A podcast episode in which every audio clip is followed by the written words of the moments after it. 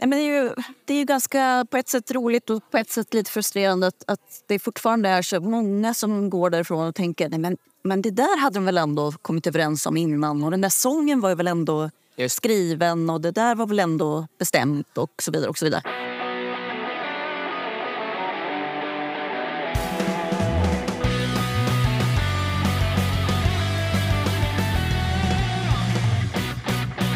Therese Hörnqvist har tillsammans med Per Gottfridsson, Jan Berg och Johan Humlesjö drivit Stockholms improvisationsteater i snart 20 år. På teatern har hon varit kursledare, improvisatör och producent. Förutom det här så har hon också arbetat fackligt inom fackförbundet Scen och film i många år. Jag och Therese vi pratar om clown, om kulturpolitik och konstnärlig kvalitet. Vi pratar om att söka bidrag, improviserad Norén och att vara i väntandet. Dessutom så pratar vi om att omvärdera sin egen palett, kortform och att våga ta valet. Jag och Therese vi sitter på ett café och spelar in avsnittet och ibland så hörs det lite bakgrundsljud. Här är avsnitt 56 med Therese Hörnqvist på temat Improns plats i scenkonsten. Man får väl liksom kila in lite så här som kanske är något ovant lite emellan. Liksom. Ja. Man vänjer publiken också vid att impro kan vara på olika sätt. Ja, men Det verkligen. tror jag är så här, om man sett jättemycket comedy och så blir det något så här, då blir man bara, va? Vad fan är det här? Det vet jag Precis. första gången när jag började jobba på teatern så gjorde vi en produktion med Randy Dixon som regissör. Han har hört väldigt gott om. Ja, eh, och det var ju som ett så koncept som handlade om att man skulle så här, alltså personliga berättelser, man skulle liksom använda det som man hade upplevt under dagen Ja, just det. när man kom till teatern. Så man gjorde liksom en liten karta nästan i början av föreställningen som att man eh, gjorde som en... Att det var så här, jag, jag gick upp ur säng, alltså man gjorde som en liten promenad medan man rabblade sin, det man hade gjort. En fysisk promenad? Ja. Okej, man gjorde det man sa? Ja, Okej, coolt. lite så här, ganska snabbt. Ja. Som lite italienskt liksom, i stilen att man gör det rap. Liksom, så. Eh, och sen så kunde man, efter att alla hade gjort det, gjorde det samtidigt så började man spela någon scen från någon av historierna. Liksom. Ja, Ja. just det. Ja, men det var Det- en... Ja, och så sen var det liksom så, det kunde ju vara ganska långsamt, ganska om typ ingenting. Alltså typ att så här, man kanske hade liksom bara varit hemma Mm. innan man gick på... Ja. Och publiken fattade Jaha. eh, från början. Alltså det var, vi fick så jävla... Alltså jag, vi har aldrig fått så mycket liksom så här... Ska ni göra sån här jävla skit ska ni lika gärna göra manusteater. Typ. Så just det. Alltså, det var ganska roligt. Liksom. Det Det var- var ju 2004, typ. Ja. Och då hade ju inte... Den dramatiska impron var ju liksom inte alls överhuvudtaget etablerad.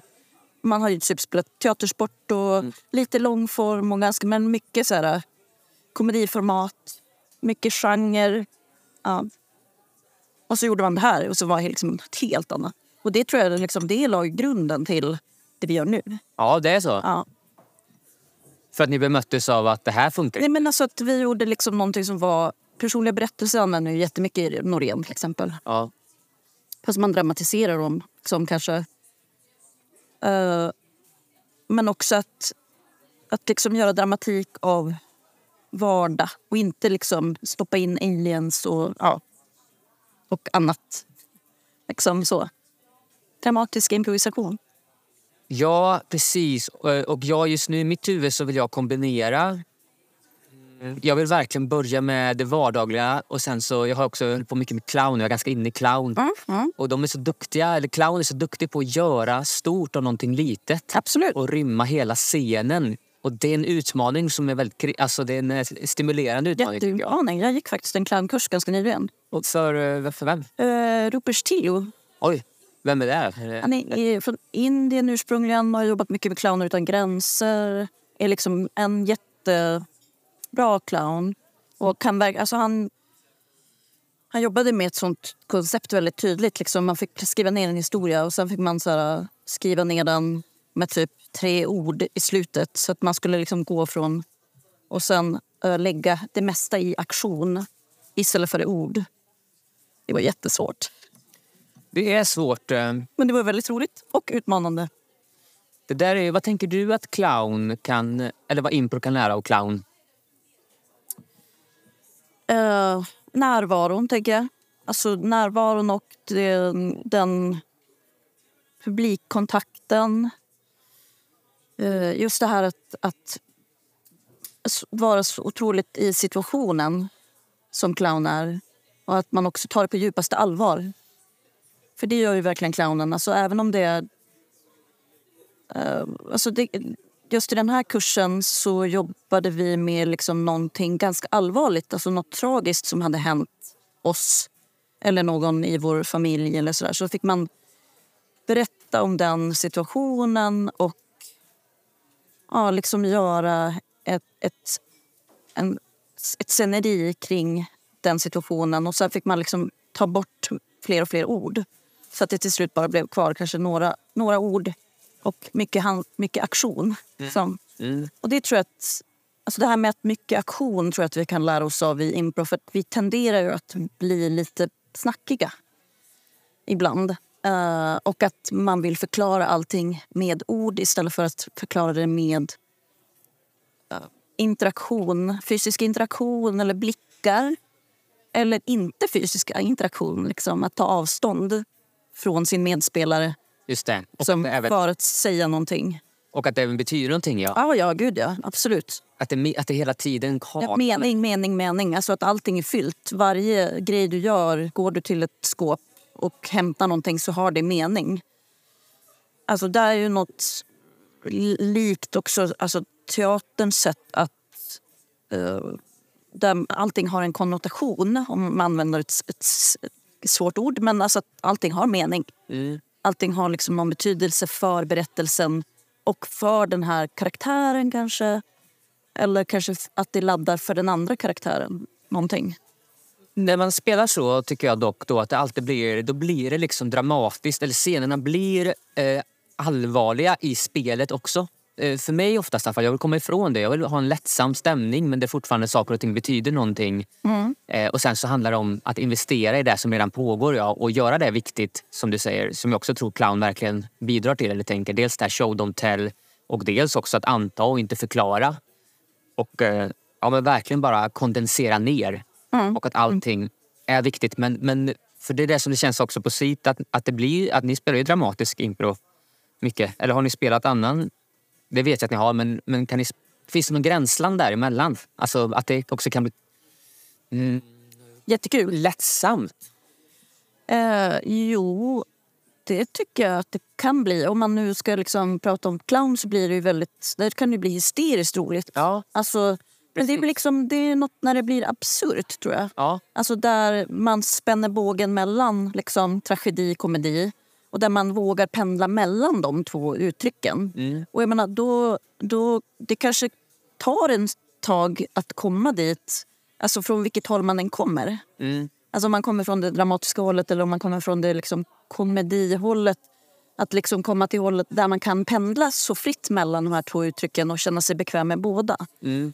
Alltså att inte, att jag tycker att, att vi ändå är roliga fastän vi söker kanske inte det roliga i, Nej. i Norén. Men det uppstår ju roliga situationer. Kanske inte på samma nivå som när man...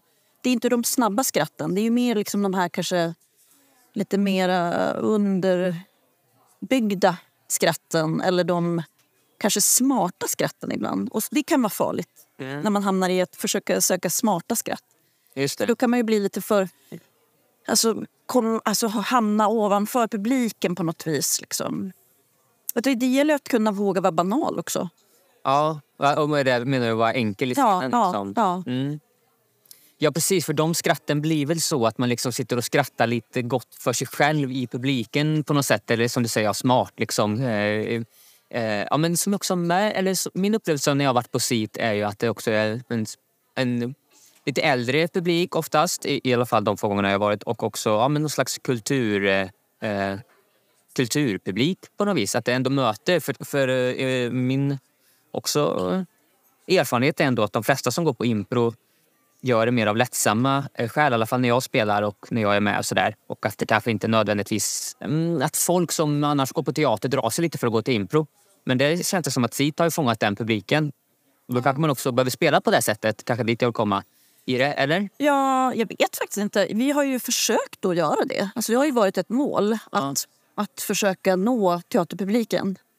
Eh, om man nu skulle säga att, att impropubliken och teaterpubliken är två olika publiker. Liksom. Mm. Eh, men menar, när jag började på impro för nästan 20 år sedan så var ju publiken ung. Så jag menar, det handlar väl om att, att den har följt oss Ja. alltså, som jobbar där. Ja. Alltså att man kanske spelar för den ålderskategori som man själv är på något Ja. sätt.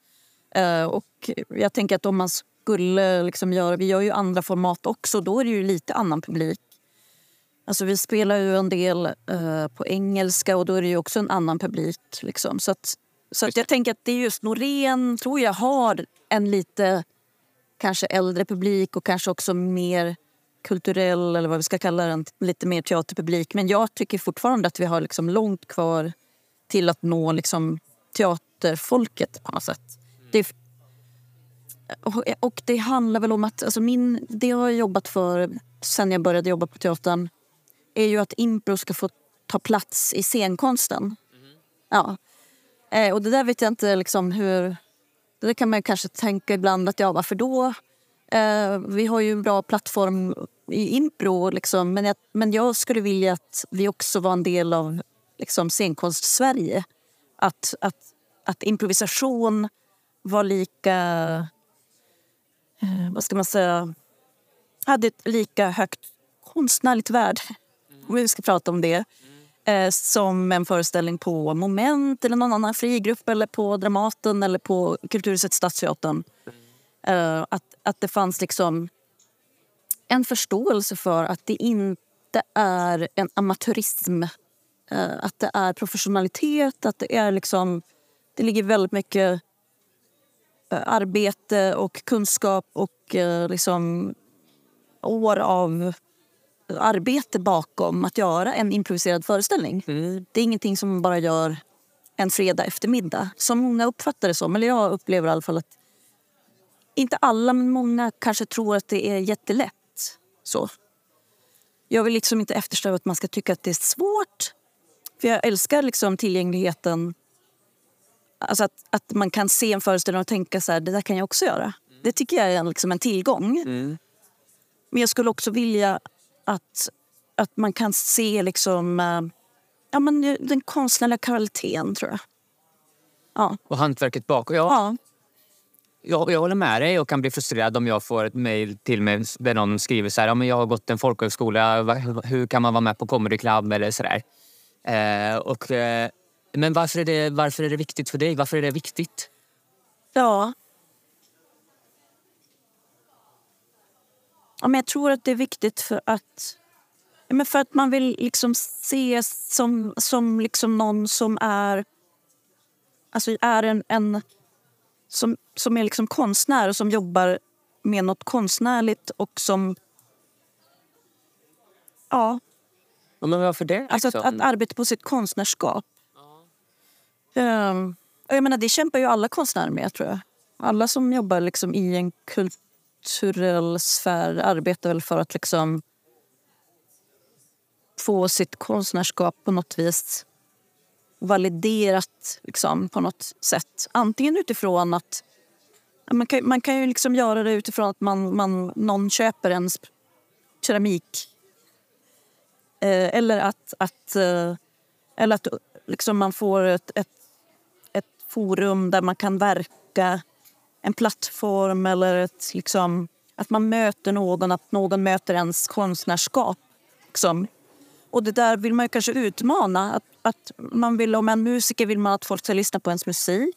Mm. Eh, för det är ändå det som är på något vis... Man kan ju såklart göra musik och all, att någon aldrig lyssnar på den men det, är ju ändå, det finns ju ändå en mottagare någonstans för musik. Det finns också en mottagare för teater Mm. eh, som ju impro är. Impro är ju liksom teaterformen.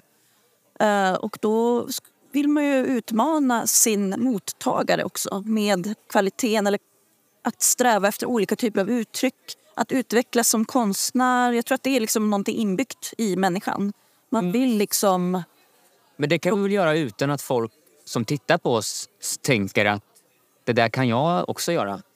Jo, men de kan tänka det, absolut. Men jag tänker också så här i själva eller kulturpolitiken om vi då hoppar dit. Ja, men jag gärna. Ja, Jag ja. kan ingenting i det här området. För, för jag ska också bara säga att jag ser praktiska fördelar verkligen liksom med att ja, men höja konst, alltså att få en sån konstnärs... Att det blir scenkonst mer etablerat. Man kanske kan söka mer bidrag då. Man kanske kan bli etablerad mer liksom att det blir, ja, så höja statusen i det. Ja, det ja. jobbar jag också jättemycket för och, vill och, och pratar om. Och, och som jag sa förut, jag kan bli irriterad eller frustrerad om någon säger det. Det kan jag också göra, såklart.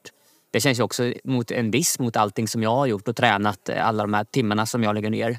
Precis. Liksom. Eh, och så, det, det måste, det, så känner ju alla. Men egentligen är det som gör någonting och som någon då säger att det där kan jag också göra. Mm. Eh, men samtidigt så är det ju så att var, varför egentligen bryr jag mig om det? Det jag är nyfiken på i mig själv och därför är det spännande att fråga också. Men, eh, men kulturpolitiken. Vad, vad, Men där handlar det om det du också var inne på, att höja statusen. Att liksom, för det är ju, mig veterligen så är det ju väldigt svårt att få anslag för improviserad eh, föreställning. Liksom att kunna få söka pengar för det. För att det finns liksom en... Of, ett, man förstår liksom inte vad, vad konstnärligheten, vad kvaliteten ligger i. För det finns ju inget manus. Vad är det då som är ja. den konstnärliga kvaliteten och hur kan man garantera det när det inte kommer att bli samma föreställning kväll efter kväll? Det är liksom för lite kunskap om vad det är, tror jag.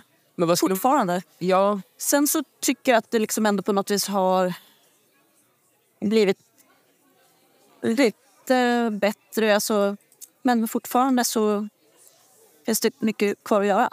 Och det borde ju till exempel, varför finns det inte, liksom, varför finns, tränar de inte på impro på Teaterhögskolan till exempel? mm.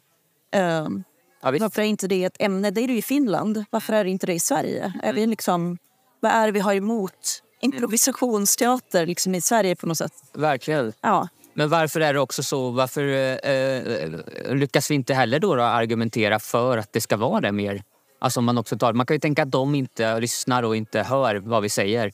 Men man kan också tänka att vi behöver säga det vi vill säga bättre. Eller göra liksom, ja, alltså om jag skulle sitta här och prata med någon, säg att du skulle vara från scenhögskolan och ha bestämt att vi inte ska ha impro och så skulle jag försöka argumentera för varför, vi ska, varför de ska ha impro på scenhögskolan när det de ska träna och bli egentligen verktyg för en regissör, som jag tolkar scenhögskolan då, i alla fall. Ja. Skådespelartekniker. Och de har väl liksom li- viss improvisation för att hitta fram eh, till eh, karaktärsarbete och, sådär, gestaltning. Absolut. Eh, så. Men mm, jag upplever också att man, eh, att man dissar lite in, alltså improvisationsteater. Det är ingenting man går och köper en biljett och tittar på. Det är ett verktyg. så. Exakt. Äh. Men jag tror att det, det, vi har liksom inte, de har inte, eller om vi nu pratar om vi och dem, men Ja. det är lite dumt. Men om man nu gör det ändå Ja, så det- kan man säga att, att de har inte hängt med i utvecklingen av impro. Mm. Den utveckling som har skett både på comedy-sidan och på liksom den dramatiska sidan. Eh, att det finns liksom mycket mer variation och mycket... Alltså folk är ju mycket bättre på impro nu än vad, vad det var förut. Alltså, alltså om man nu tittar på ja, men Susanne Osten till exempel som har ju jobbat med impro väldigt mycket. Mm. Men har ju jobbat med impro på, till en viss gräns. Liksom. Ja, och och sen har hon aldrig gått vidare. Hon har liksom inte gjort allt det där som vi har gjort, som du har gjort. Mött alla olika professionella improvisatörer ute i världen som liksom har utvecklat både pedagogiken och liksom konstformen. Eh, så därför så, så ligger det fortfarande liksom kvar någon slags förståelse av improvisation som baserar sig på teatersport Ja. och på att använda det som att, att bygga en karaktär, att liksom Ja. I, men, men det här med att göra en hel föreställning, till exempel eh, en hel comedyföreställning eller en, en Harold eller som vi gör, en hel liksom, teaterföreställning med Norén. Det förstår man inte hur det går till. Man förstår liksom inte hantverket bakom. Nej, Man förstår inte överenskommelserna. Man förstår inte liksom vad vi gör innan. Och Det är svårt också att... Jag menar, vi har ju skrivit... Nu, har, nu det, går det ju också perioder av hur flitig man är på att söka pengar. För att man blir ju lite... Man ger ju upp efter ett tag. Mm. Eh, och eh, där handlar det om att, att eh, vad, hur ska man kunna förklara det på ett språk och på ett sätt som gör att de förstår det. Jag vet inte.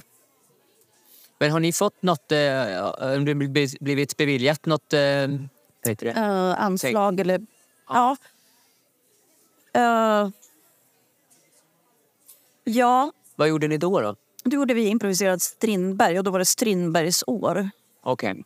Och då fick vi pengar från Kulturrådet för att göra den föreställningen. Ja. Men det är ju egentligen... Ja, sen har vi fått kanske någon, så här, s- något, någon liten summa för något projekt. Men aldrig något liksom större och inte för de här mer renodlade som inte liksom är där man kan förstå genren. För Strindberg kan man ju förstå vad det är. Eh, Det skulle man också kunna göra med Norén till exempel. Då förstår man vad det är. Men om vi till exempel gör, skulle göra en föreställning som handlar om Stockholm eller om det handlar om eh, döden eller om det handlar om eh, musik. Vi hade någon föreställning som vi kallar för Jukebox som skulle liksom vara vilken är musiken i ditt liv och hur kan vi liksom gestalta det? Liksom att ta fram olika låtar som kanske slår från publiken. Och, ja. och så skulle man då göra en, en, en föreställning kring, kring det. Det fattar de ju ingenting av. Vi gjorde en jätteambitiös, fick inga pengar. Uh, och eh, jag tror att det faller liksom på det att man inte fattar. mm. Så kan det vara, och kanske som du sa förut också, att man inte kan säkra någon typ av kvalitet i Nej, det. precis. Eh, det. Men det är också det som är det spännande i det. eh, Så. Eh, Och som du själv sa, att man har nog inte följt med. Man är nog kvar i förorden av Susanne Ostens liksom, till Impro, den boken. Det är 80-talet liksom, och Helge Skog och P- här, Ja, ja. På minuten, vad folk refererar till också. Ofta ifall, ja, speciellt om jag pratar med äldre personer så är det ju det. Ja. Eh, att man liksom, och, ja men då kanske det bara är en tidsfråga då. Sen så finns det någonting tycker jag i, eller jag tycker att det är lite härligt också samtidigt att få jobba som liksom en underdog eh, lite i det. Sen så har inte jag en teater att driva eller någonting sånt där så det är lätt att sitta där och se det. Men det finns något lite, tycker jag, eh, en, ja men jag är lite stolt, någon stolthet i det. Det går ändå. Nästan Absolut. liksom. Jo, men det, det kan man ju också, det kan man ju eh, kanske så här också eh, raljera lite kring att liksom, ja men Ja, nej men vi får ju inte heller några pengar för att det går för bra för oss. Alltså, Eh, och det, så kan ju vara fallet. Liksom. Eh, men, nej, men jag tycker att det har liksom luckrats upp lite grann också vad gällande andra teatrar alltså i Stockholm. Nu, nu är jag så Stockholmsbaserad så att jag har liksom inte så bra koll på hur det ser ut i övriga landet. Men jag tror inte att det är... Om man inte har en improgrupp som är knutet till till exempel en lästeater, det finns det ju. Eh, Som Unghästen till exempel i, i Skellefteå. De är ju, jobbar ju mycket med impro och de är ju knutna till Västerbottens teatern. Så att de, de får ju pengar för sina projekt. Ja. Så. Men, men de gör ju också ibland saker som är lite i gränslandet. Kanske inte renodlad impro, men de gör ju också renodlad impro. Så, så att, så att, eh, jag men- tror att det ser väldigt olika ut. Ja men det gör det och jag vill också säga att i Norge när jag var där mm, i oktober förra året, ja. Ja. ett år sedan ganska exakt. Ja, det är andra teatrar. Nej, ja. Ja. De är ju superduktiga. De får ju eh, eh, eh, söker och får Mm. eh, ganska mycket. Men, och sen så är det, de är ju liksom, om de är ja, 20 heltidsanställda där liksom, har ju stor lokal och sen så har de också, de är ju, mm, ja men det är etablerade skådespelare som också jobbar där. Som syns i tv, som syns i filmer. Liksom lite så att det höjer på något sätt. Men det är ganska stor skillnad mellan eh, Sverige. Norge, men Norge kan ju, det är en helt annan grej. än Norge. De har så mycket kulturpengar också. Ja, är det så? Ja, Rent- ja. Okej. Eh, men, och att jag menar, alla de sakerna som du sa där spelar ju också in tror jag, i det. Eh, och de har varit väldigt liksom, strategiska och jobbat stenhårt på att, att baxa hela den här teatern och allt det de gör där. Men de gör ju mycket på... De gör ju inte bara impro på sin scen. De gör ju manusbaserad teater också väl, tror jag. Eh, Jaha, det vet jag inte. Nej, men eller så gör de ju kanske saker där i alla fall. De som jobbar där gör ju andra saker också. Ja, det gör de. Ja. Också, absolut. Alla är nog frilansande skådespelare. Mm. Eh, så. Och duktiga. Nej, men de, vi, vi, träffades, vi träffade några av dem. Finland är ju länge sedan nu. Allt, allting börjar vara många år sedan. Men har den här pandemin har ju också på något vis Ja.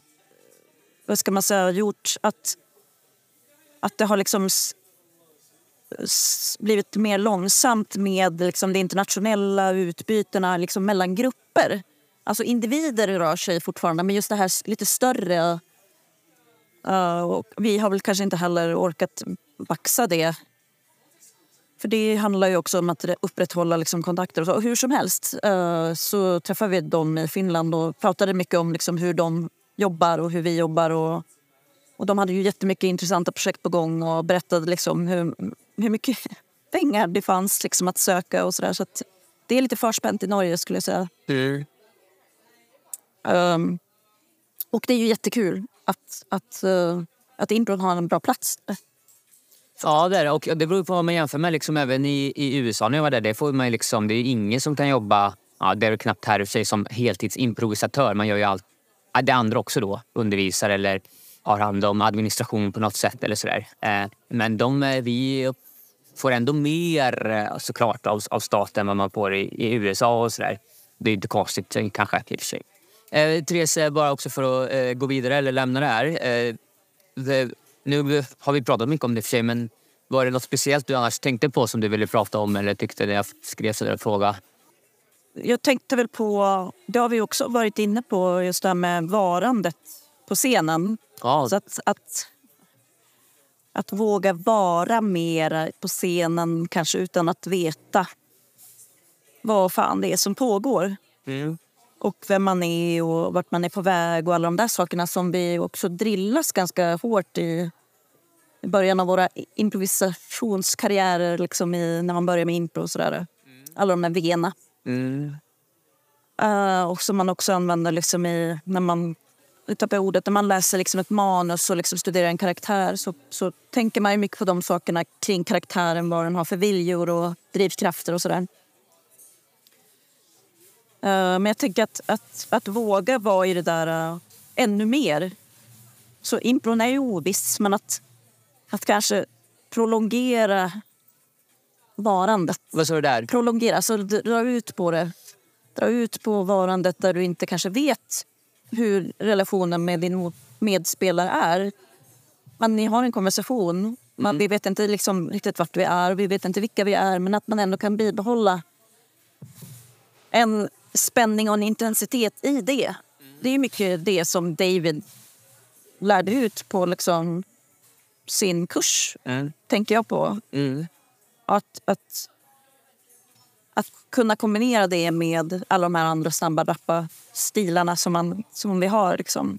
Precis, verkligen. Ja. Och det var det vi pratade om för ja. inte med clownen. Ja. ja. Att vara, vara i det som redan pågår.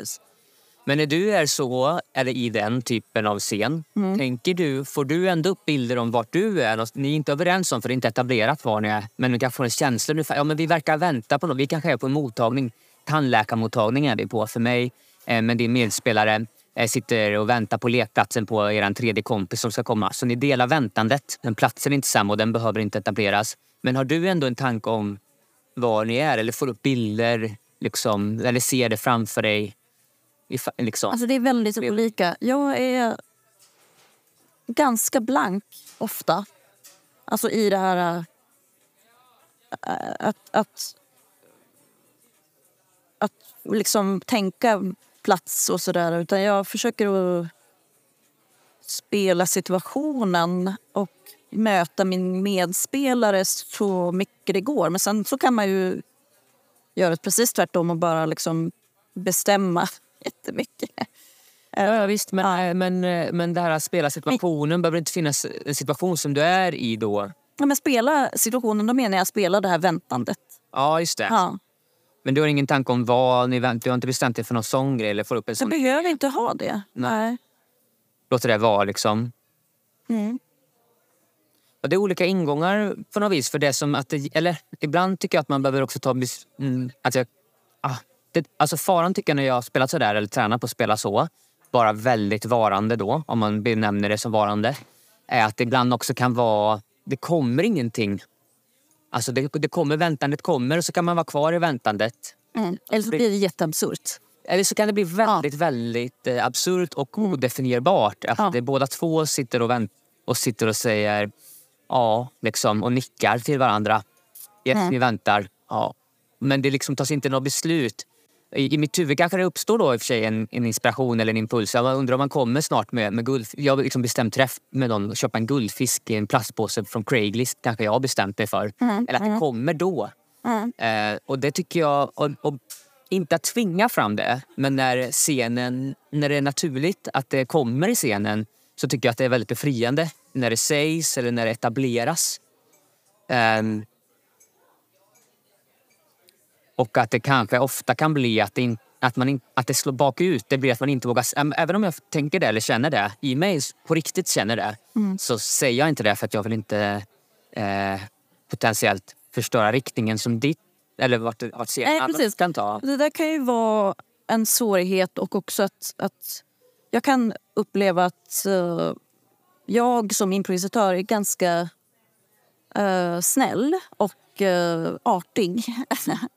och det kan ju ligga mig i fatet ibland för att just då, då blir det liksom ingen som bestämmer om jag då möter någon som också är snäll och artig. Så blir det det här att man liksom inte kommer någon vart. Okej. Ja, men då, då, då kan det ju bli jobbigt och att det blir liksom en ganska dålig scen. Så. Mm. Mm.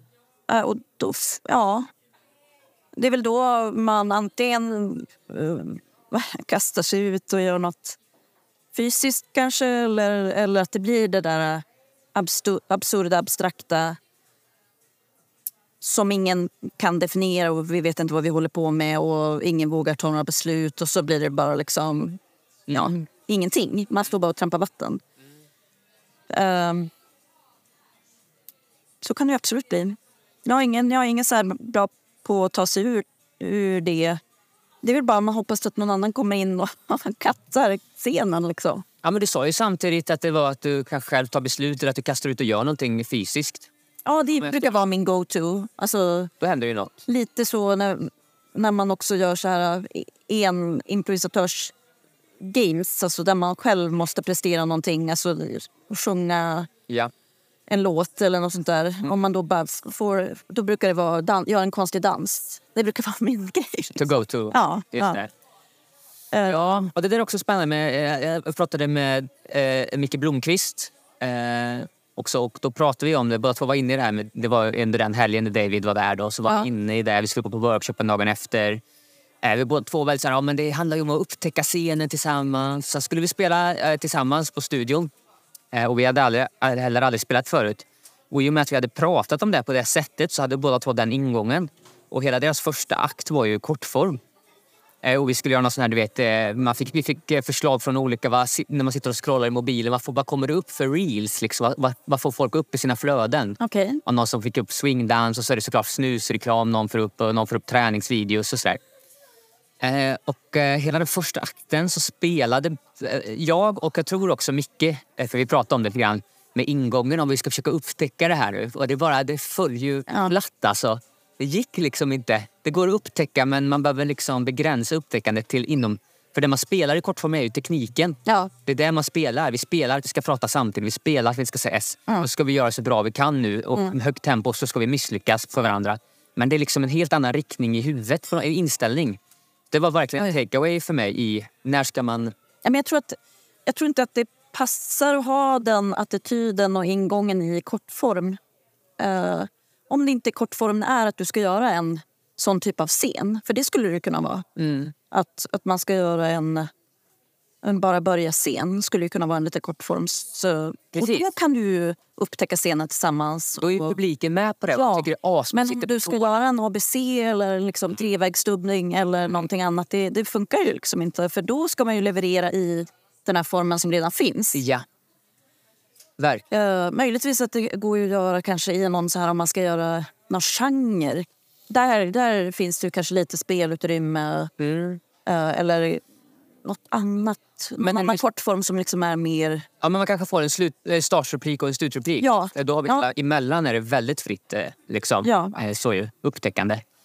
Om man också är upptäckande varande. Men, men då, när du spelar kortform då, då låter det som du tar mm, stora beslut. Jag spelar nästan aldrig kortform. Nej. Men alltså, jo, vi, alltså, jag, inte- det, det här var ju faktiskt en helt konstig sägning av mig. Vi spelar ju kortform hela tiden när vi gör företagsjobb. Då gör vi ju kortform. Ja. Ja. Det är svårt att gå upp och göra något norenigt. Ja, jo, precis. Men, men det är... Jag, jag upplever att jag har på något vis gjort en liten så här... s- vad ska man säga? Genväg i min impro-utveckling. Okej. Eh, för jag började jobba på teatern och då var jag ju liksom inte på scenen utan jag var ju producent och jobbade liksom på kontoret. Okej. Mm. Eh, men har ju, kom ju från att ha sp- skådespelat innan det. Så jag har liksom en mixad bakgrund. Jag har både varit producent och jag har varit skådespelare. Liksom. Mm. Men när jag började jobba på teatern så var, kom jag liksom från att ha varit producent och marknadsförare liksom på teatrar och sådär. Haft eget produktionsbolag och så. Jaha. Eh, och eh, då, Hur gammal var du när du började på SIT? jag var typ 30. Ja. Och hade ingen impro-erfarenhet alls. Och då sa de så här, ja, du borde gå en kurs då för att, för att förstå vad det är vi jobbar med. Mm. Eh, och då gjorde jag det. Och sen så gick jag liksom en baskurs faktiskt för Frida. Ja. Frida var min lärare. Jag har också haft Ja. Micke och Jocke tror jag som lärare. Eh, och sen gick jag kanske typ två kurser och sen gick jag in direkt på en så här långformskurs. Så att jag hoppade ganska många nivåer. Mm. Eh, så att jag kan ibland tycka att jag har liksom för dålig... Det här är också en grej att, att jag så ska racka ner på mig själv. Men alltså att jag kan tycka att jag har lite dålig eh, kortformskunskap. Alltså jag, jag kan liksom inte alla games och eh, format och liksom olika såna här eh, Armando eller vad de nu heter liksom, som man kan spela. Som många får liksom traggla igenom när man går ett så här stegvis liksom, nivåer Mm. i impro. Mm. Jag gick liksom rakt in sen och gjorde uh, en kurs, en specialkurs som liksom var utformad utifrån ett format som hade spelats på teatern och så skulle man liksom göra typ det formatet. Uh, och sen gick jag en annan sån kurs och sen sa jag till uh, Janne och Johan och Per på något möte att så här, jag vill också stå på scen. Och de blev lite så här, oj, hopp. och sen några år senare så ja, så fick jag liksom börja och vara med och spela lite semiföreställningar. Och sen från typ 2012 så blev jag liksom del i ensemble. Så jag har ju också, jag har inte jättelång impro-erfarenhet. Alltså, jag blir det 10 år, Mm. 11 år. Ja, det beror på hur man jämför med. Ja, det Ganska långt. Eh, men då får man ju också mycket. Ja. För att man gör så himla mycket jobb. Man spelar föreställningar och, och vi åkte på lite festivaler och sådär. Just det. Så man får ju ta igen saker. Och, och, och eh, I och med att jag upplever att jag är ganska långsam som person på ett sätt.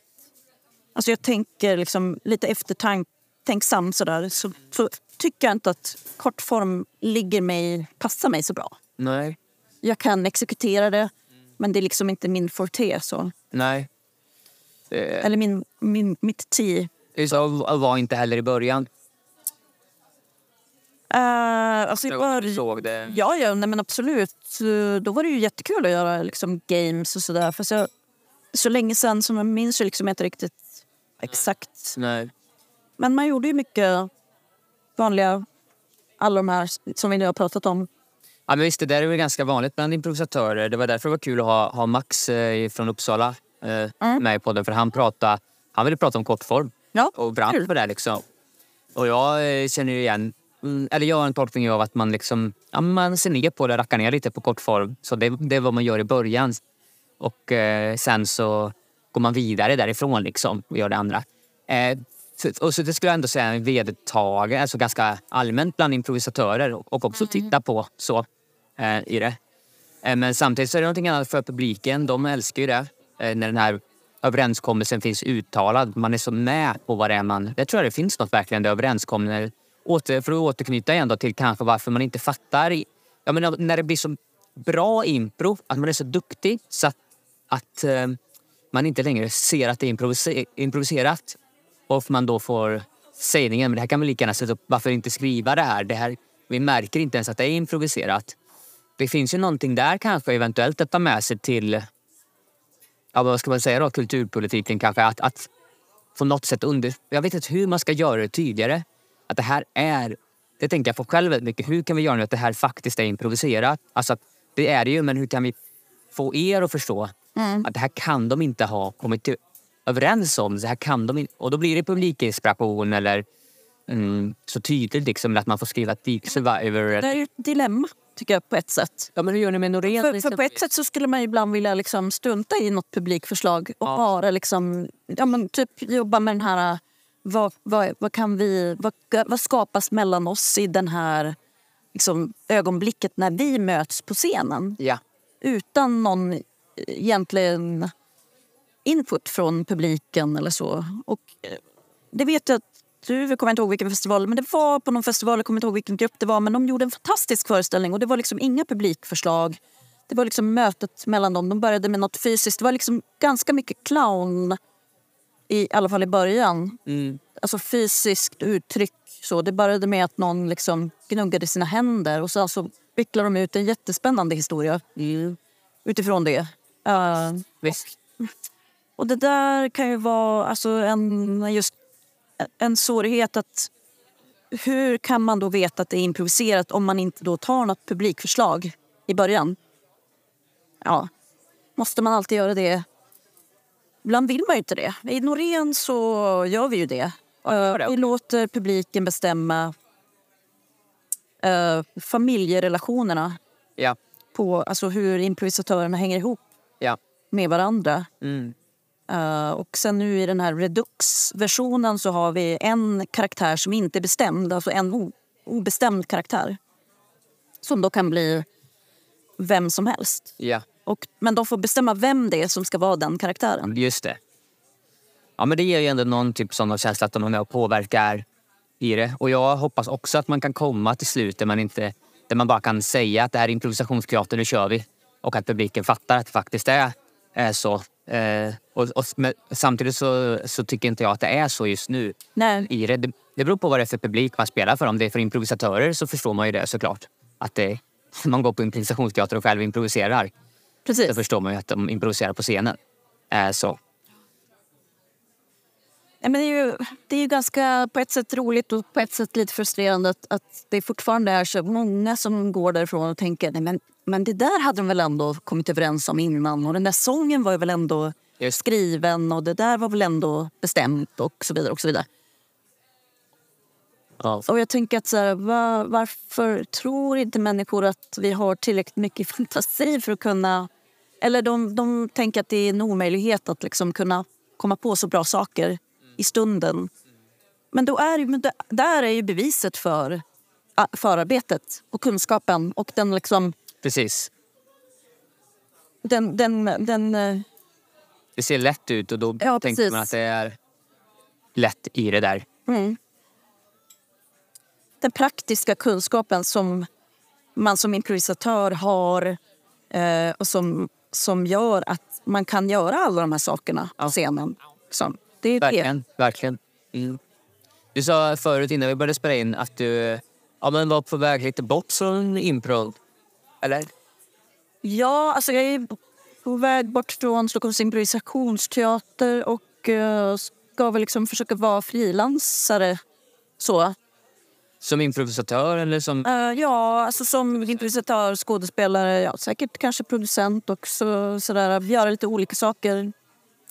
Eh, vi får se vad det blir. Men det är inte att du är trött på impron i sig? Eller? Nej, nej, så är det inte. Nej, men det är väl mer att jag tänker att, eh, att,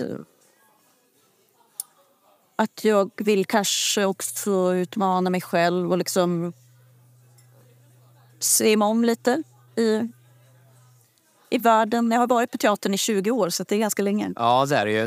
Eh, ja, det beror också relativt, men det är ju lång tid. Men jag tänker ju fortsätta att jobba för teatern. Just det. Men det är ju just det här att vara fast Ja. anställd där. För jag tänker att jag har lite egna projekt som jag vill göra.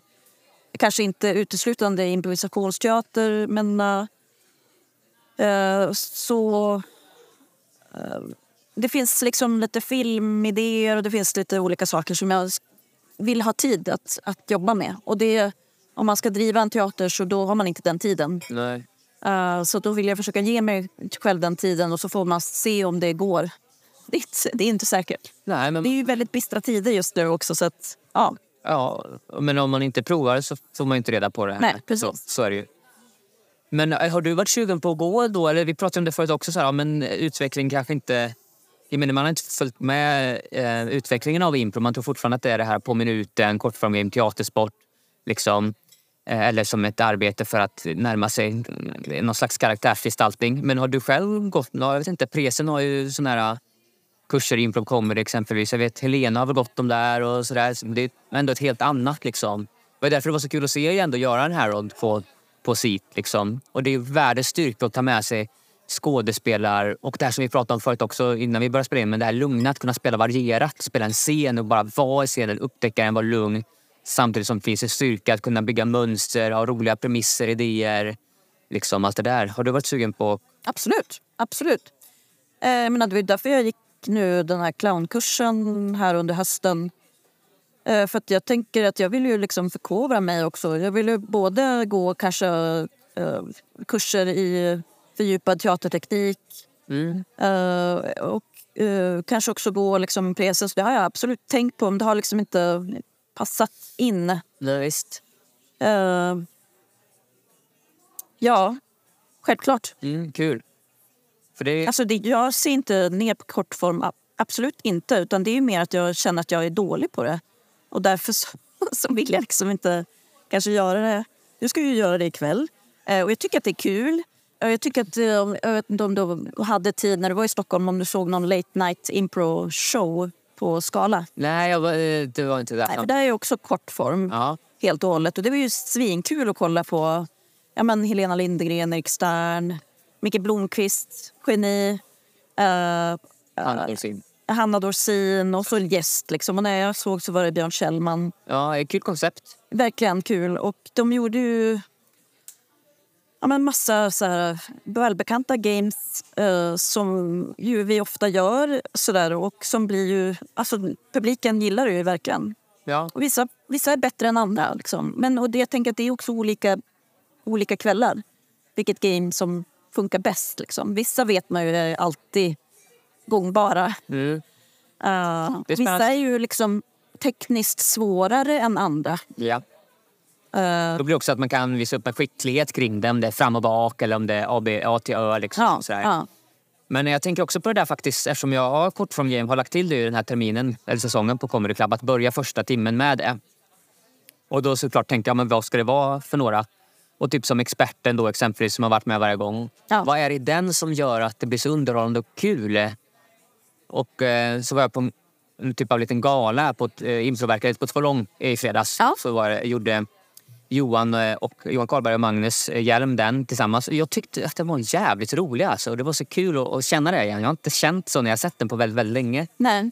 Eh, ja, det var ett upptäckande tillsammans. Det var så påtagligt. Och misstagen är så himla påtagliga. Mm. I den enda förutsättningen att man ska prata samtidigt. Så, och kasta sig ut så tydligt.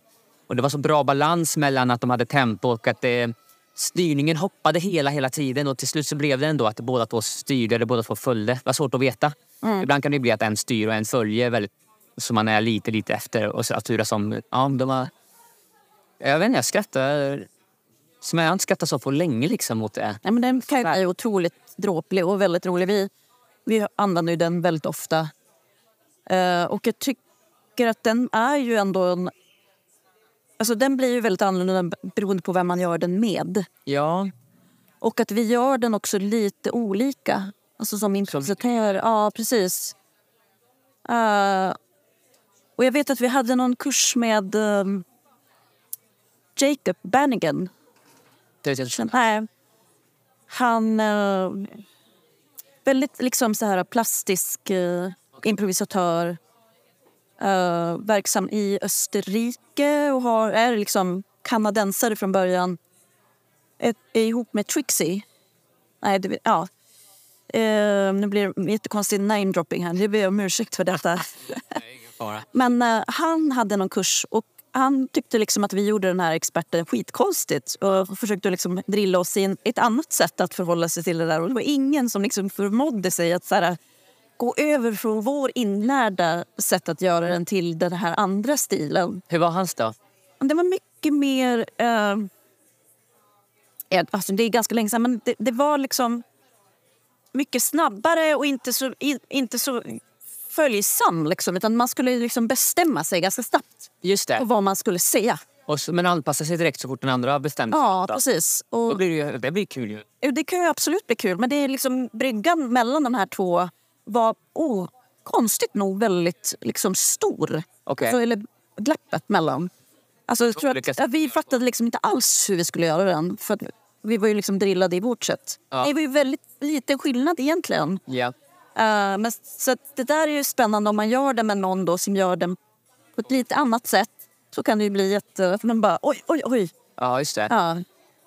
Så den, den tycker jag, så här, när jag gör den med någon som jag vet, så här, om jag gör den med Ja, men vad ska jag säga, om jag gör det med någon på teatern så då har jag, är jag ju jättelugn. Men ska jag göra, om vi, vi skulle göra den så skulle jag liksom vara lite så här, oj hur, hur, gör, hur gör vi den tillsammans? Just det. Jag vet ju inte det. Nej. Och jag tycker att den är ganska så här, man, att man drillas in i hur, ja men gör jag det med Janne så gör jag den på ett sätt. Gör jag den med Per så är det lite annorlunda. Johan lite annorlunda. Helena lite annorlunda liksom. Ja, så kan det vara. Ja. Så, att, jag- så att just den, och den är ju så enkel i sin premiss. Mm. Man kan liksom bli så väldigt olika. Men ja, det var en väldigt lång utläggning om, om två i en röst. Men, eh, Det här är ju en, en, expert. Mm. men den, jag älskar den också. Tycker den är jättekul. Ja, ja, ja, den är Jag har också sett en variant där man har då gjort en... När man nödgas göra både intervjuaren och experten. Okej. Man är både. Man är Ja, så man får gå från duon för att ställa en fråga till... Eh, Gör man det som två personer också? Ställer man frågan? Nej, nej utan Det-. Det är en som går ut, Just ställer det. frågan och sen besvarar den i duon. Just det. När man liksom saknar den här tredje personen. Mm. När man gör något gig kanske för något företag. eller Just det, man- och sånt där. Ja, det är bra. Ja. Mm. Just det. Ja, spännande. Eh, Therese, som du, när du eh, själv... eh, Det här har en fråga... Undervisar du förresten? Inte just nu. Nej. Men du har gjort? Ja, Vad, vad skulle du säga är din mest återkommande... Det du säger oftast när du undervisar? Alltså, tänk på det. Eh, Har du någon sån sägning? ta det lugnt Ta det lugnt? Ja. tror jag. ja, men det verkar ju vara en sån förkämpe för ju. Ja. Ta det lugnt, låt det vara. Ehm, lyssna på varann. Ehm, ja, men sen är det mycket kanske kring att... Jag har ju undervisat nu ganska länge musikal, improviserad musikal där de har gjort liksom, dramatiska format, olika typer av aha, format. Och då handlar det mycket om att Alltså att kunna också våga ta sången har jag sagt ett antal gånger, tror jag. Mm. Ja, Våga ta sången. ja, Gör det. ja. Och kanske dansa. Ja Inte... verkligen. Om, om vi har bestämt att det ska vara dans. Ibland så bestämmer man att det kanske inte är det. Mm. För att liksom hitta variation i uttrycken. Mm. Eh, Då kanske det är abstraktioner, alltså follow the follower Ja, ja. har vi ju använt som brygga ibland mellan olika segment när man har gjort mer så här collageformat. just det. Men våga ta sången är ju applicerbar. Alltså det handlar väl om att våga ta valet. mm, Eller hur? Det ligger ju något verkligen i att besluta. Eh, vi sa förut att vi är ganska artiga. Eh, Du sa det som dig själv, men jag tänkte också översätta det till att vi svenskar rent generellt på scenen är ganska artiga mot varandra. ja, Och om jag säger någonting till mina kurser just nu så är det ja, be- besluta, bestäm, ta, ta valet, gör det. ja, Förstås, Om du, om du vill komma ut så låt det komma ut. precis. Jo, men för det, man kan ju se på en improvisatör om det finns någonting där som, som pockar på. Ja, verkligen. Eh, och då kan man ju säga till den att nu tar vi valet nu. Ja, precis. Men det kan också vara att ta valet att släppa det. Absolut. Eller hur? Men så ta ett val i det. Gör det eller gör inte, men var inte däremellan. Så det blir svårt ju.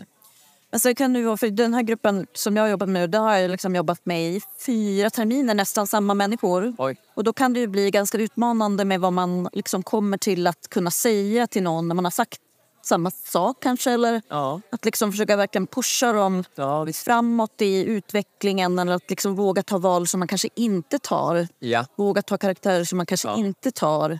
Våga liksom gå utanför sin egen box. Eh, jag menar, de, här, alla de här sakerna kan jag ju säga till mig själv också. Mm. Eh,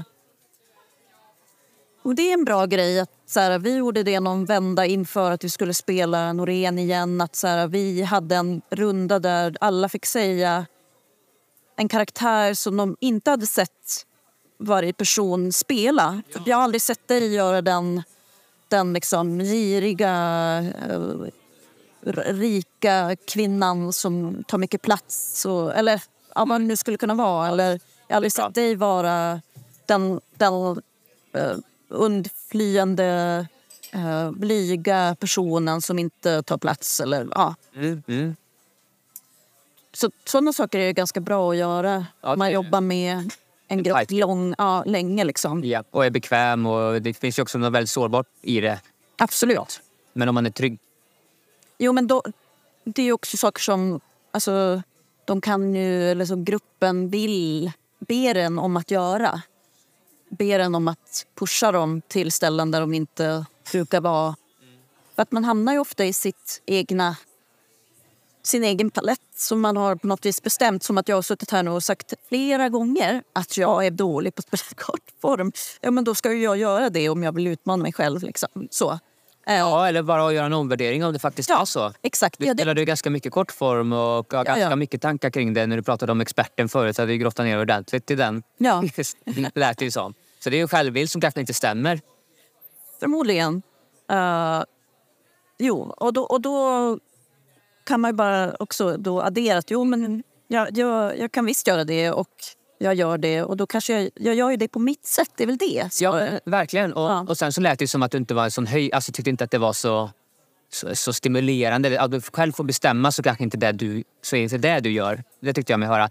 Och det är en uppfattning som delas med väldigt många när man har gjort mycket kortform ju också. ja, det beror på vad det är för typ av kortform. tycker jag. Ja, och med vilka man gör kortformen. Ja, Det håller jag med om.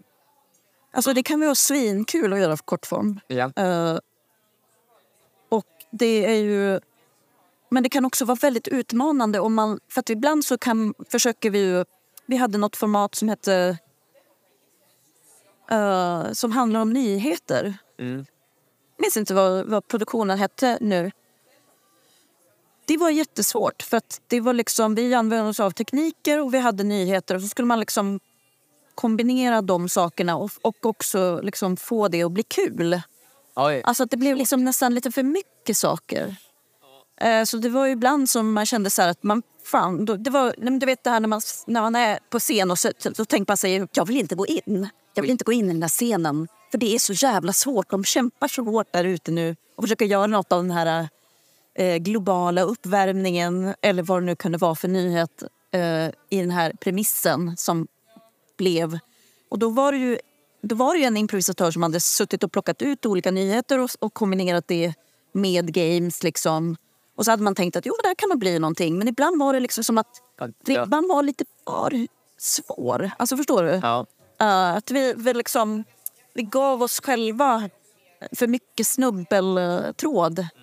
Uh, så att, för att liksom. kunna exekutera det på ett kul sätt. ja. Ja. Då måste det... Då får man ju revidera. Ja, men det floppade ju, vissa saker floppade, vissa saker blev ju succé. Ja. Så jag menar, experten till exempel var ju jätterolig att applicera på en nyhet till exempel. Eller någon debatt. Eller liksom att man hade- kanske en politisk debatt med liksom två som skulle då för och emot något ämne. Det blev ju alltid roligt. Ja. Uh, Medan andra var mycket, mycket liksom svårare att så här, hitta hem i. Ja, det är svårt att göra eh, komedi eller komik bara av mm, allvarliga saker som händer samtidigt som händer på riktigt, som ligger så nära i tiden. Ja. ja, katastrof... Äh, vet du, alltså, känsla. Ja, men det, det kanske inte var liksom att man kombinerade så elakt. Liksom. Men det kunde vara någon så här lite udda. Någonting som kanske var lite för kul i sig också. Och då Ja, är det ju inte heller Nej, bra. Då blir det roligare att bara läsa nyheten. Ja, Papperslapp eh, brann i Alingsås, exempelvis. till exempel. Men så det var en, en ganska svårspelad föreställning. ehm, som var i kortform. Så. så det menar vi gör i kortform emellanåt. Um, men det är väl det att man också kanske vill hela tiden att man ska utveckla det. Ja. Och då kommer man någonstans till att man inte längre vet liksom, aha, men hur ska vi sätta, vad ska vi sätta det för premiss nu för att utveckla det. Mm. Eh, då kanske man bara ska kapitulera och säga att vi gör bara kortform en akt och sen kan man göra något annat. Ja, precis. Akt två. Alltså, jag säger inte bara kortform men alltså Nej. man sätter ihop games.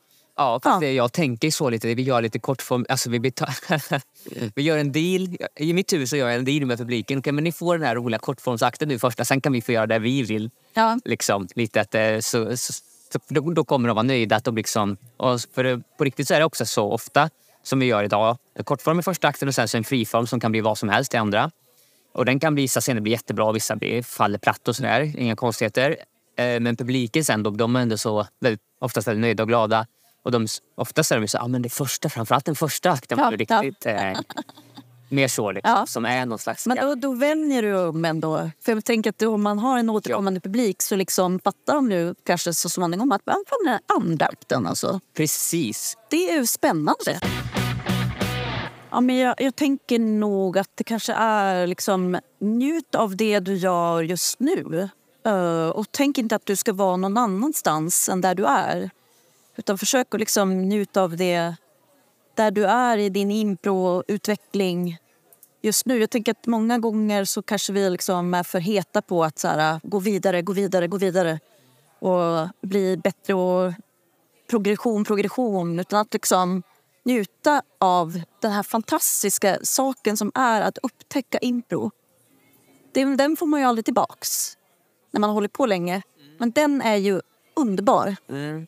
Och att, att liksom hela tiden påminna sig om att, att där var vi ju alla någon gång i vår impro-karriär. Liksom. Och att försöka njuta av den position eller plats som man är i just nu. Ja, ja, det är jättefint. Det väl bra. Alltså, vad tacksam blir man ju då. Ja, ja. Nuet. Kan vi bara, vad, vad är du nu då? Therese, vad är ditt eget nu? På väg bort ifrån SIT? Alltså ditt impro, improviserande, njut av nuet. Ja, men jag tänker att jag kanske är, äh, är i någon upptäckarglädje igen. Att, att få, att få liksom backa från det här vardags... Alltså när man jobbar fast. Alltså jag har jobbat, liksom, varit heltidsanställd på teatern i 20 år Ja. eh, och har gjort väldigt, väldigt många gig. Eh, och då kan man ju faktiskt bli lite trött. Ja. Alltså för att man gör liksom lite samma saker med samma människor och sådär. eh, Att, att få backa och få lite avstånd och kunna eh, kanske upptäcka impron på nytt. Du är en stor förändringsprocess på riktigt. ja, Karriärsmässigt där. Det är du ju. ja. Verkligen. Du är också lite, ja men du är på väg bort ifrån det men in till något nytt. Jag är också på väg in fortfarande. Eh, får jag också dela med mig? ja absolut. Eh, jag njuter i så fall... Eh, ja, men just nu, jag, jag njuter, jag ser det fortfarande lite som hundår som jag gör. Alltså, jag, känner, jag jobbar med det helt men jag känner så himla dåligt. Men det är något väldigt njutningsfullt ändå i det här liksom lilla. Och jag träffar en grupp som vi repar måndagar och torsdagar på morgonen och liksom är på golvet och gör mycket. Det är något väldigt... Och den gruppen är så fin också. De personerna, vi vill olika saker men vi delar att vi vill mycket. Det som vi vill då. De andra är mer skådespelarfokus liksom. Men det, det tycker jag, det njuter jag av just nu. Och njuter av det här uppstarten med klubben och njuter av att podden fortfarande ja, första året. Ja, det är mycket jag njuter av. Ja, det är härligt. Ja. Faktiskt. Så tack för den eh, remind, påminnelsen. Ja. Det är bra att stanna upp och titta vart du är. För jag vill också fram hela tiden. Liksom en lokal i framtiden, vill ha egen teater. Så det är lätt att hamna där. Men då är det faktiskt väldigt skönt att påminna sig om var jag är nu. Men också vart jag var. Bara för att se oj, vad, vad mycket jag gör nu som jag inte gjorde då i början. Och vad mycket jag kan nu Ja. som jag inte kunde då. Det är Ja, men jag också att eh, det är väldigt roligt. Jag är jätteglad att jag får komma hit idag och ska spela liksom ikväll. Och det känns ju så här ut, utmanande och roligt. Få möta nya improvisatörer och liksom med en ny kontext. ny och, ja, absolut. Det är första gången jag imprar i, tror jag, i alltså, offentlig föreställning i Göteborg. Ja. Jag har gjort företagsjobb här men aldrig liksom spelat impro. Premiär Ja. för det då. Jättekul. Eh, ja, det här är också släpps ju på nyårsafton det här avsnittet. Visste du det? Nej, Nej, eh, så... Eh, vad säger, nytt år. så säger man. Jag tänkte säga, eh, vad tänkte jag säga? Eh, ha, ha den här. Den här. eh, ja, men gott nytt år. Vi avslutar där då. Ja. Gott nytt år. Gott nytt år.